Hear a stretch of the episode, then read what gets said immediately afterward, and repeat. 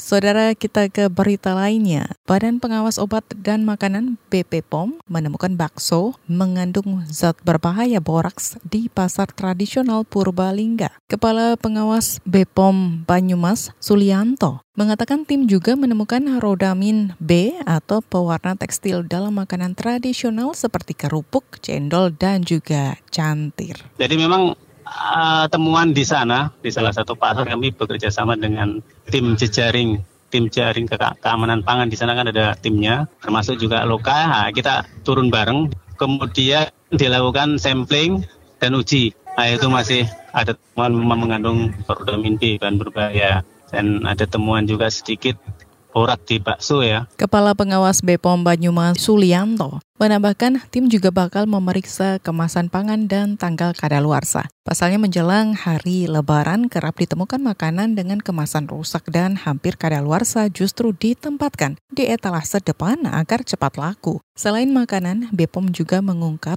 peredaran obat keras di warung atau toko biasa, padahal obat jenis ini hanya boleh dijual di apotek dengan resep dokter. Pemilik toko diancam dikenai pidana jika masih menjual obat-obatan tersebut.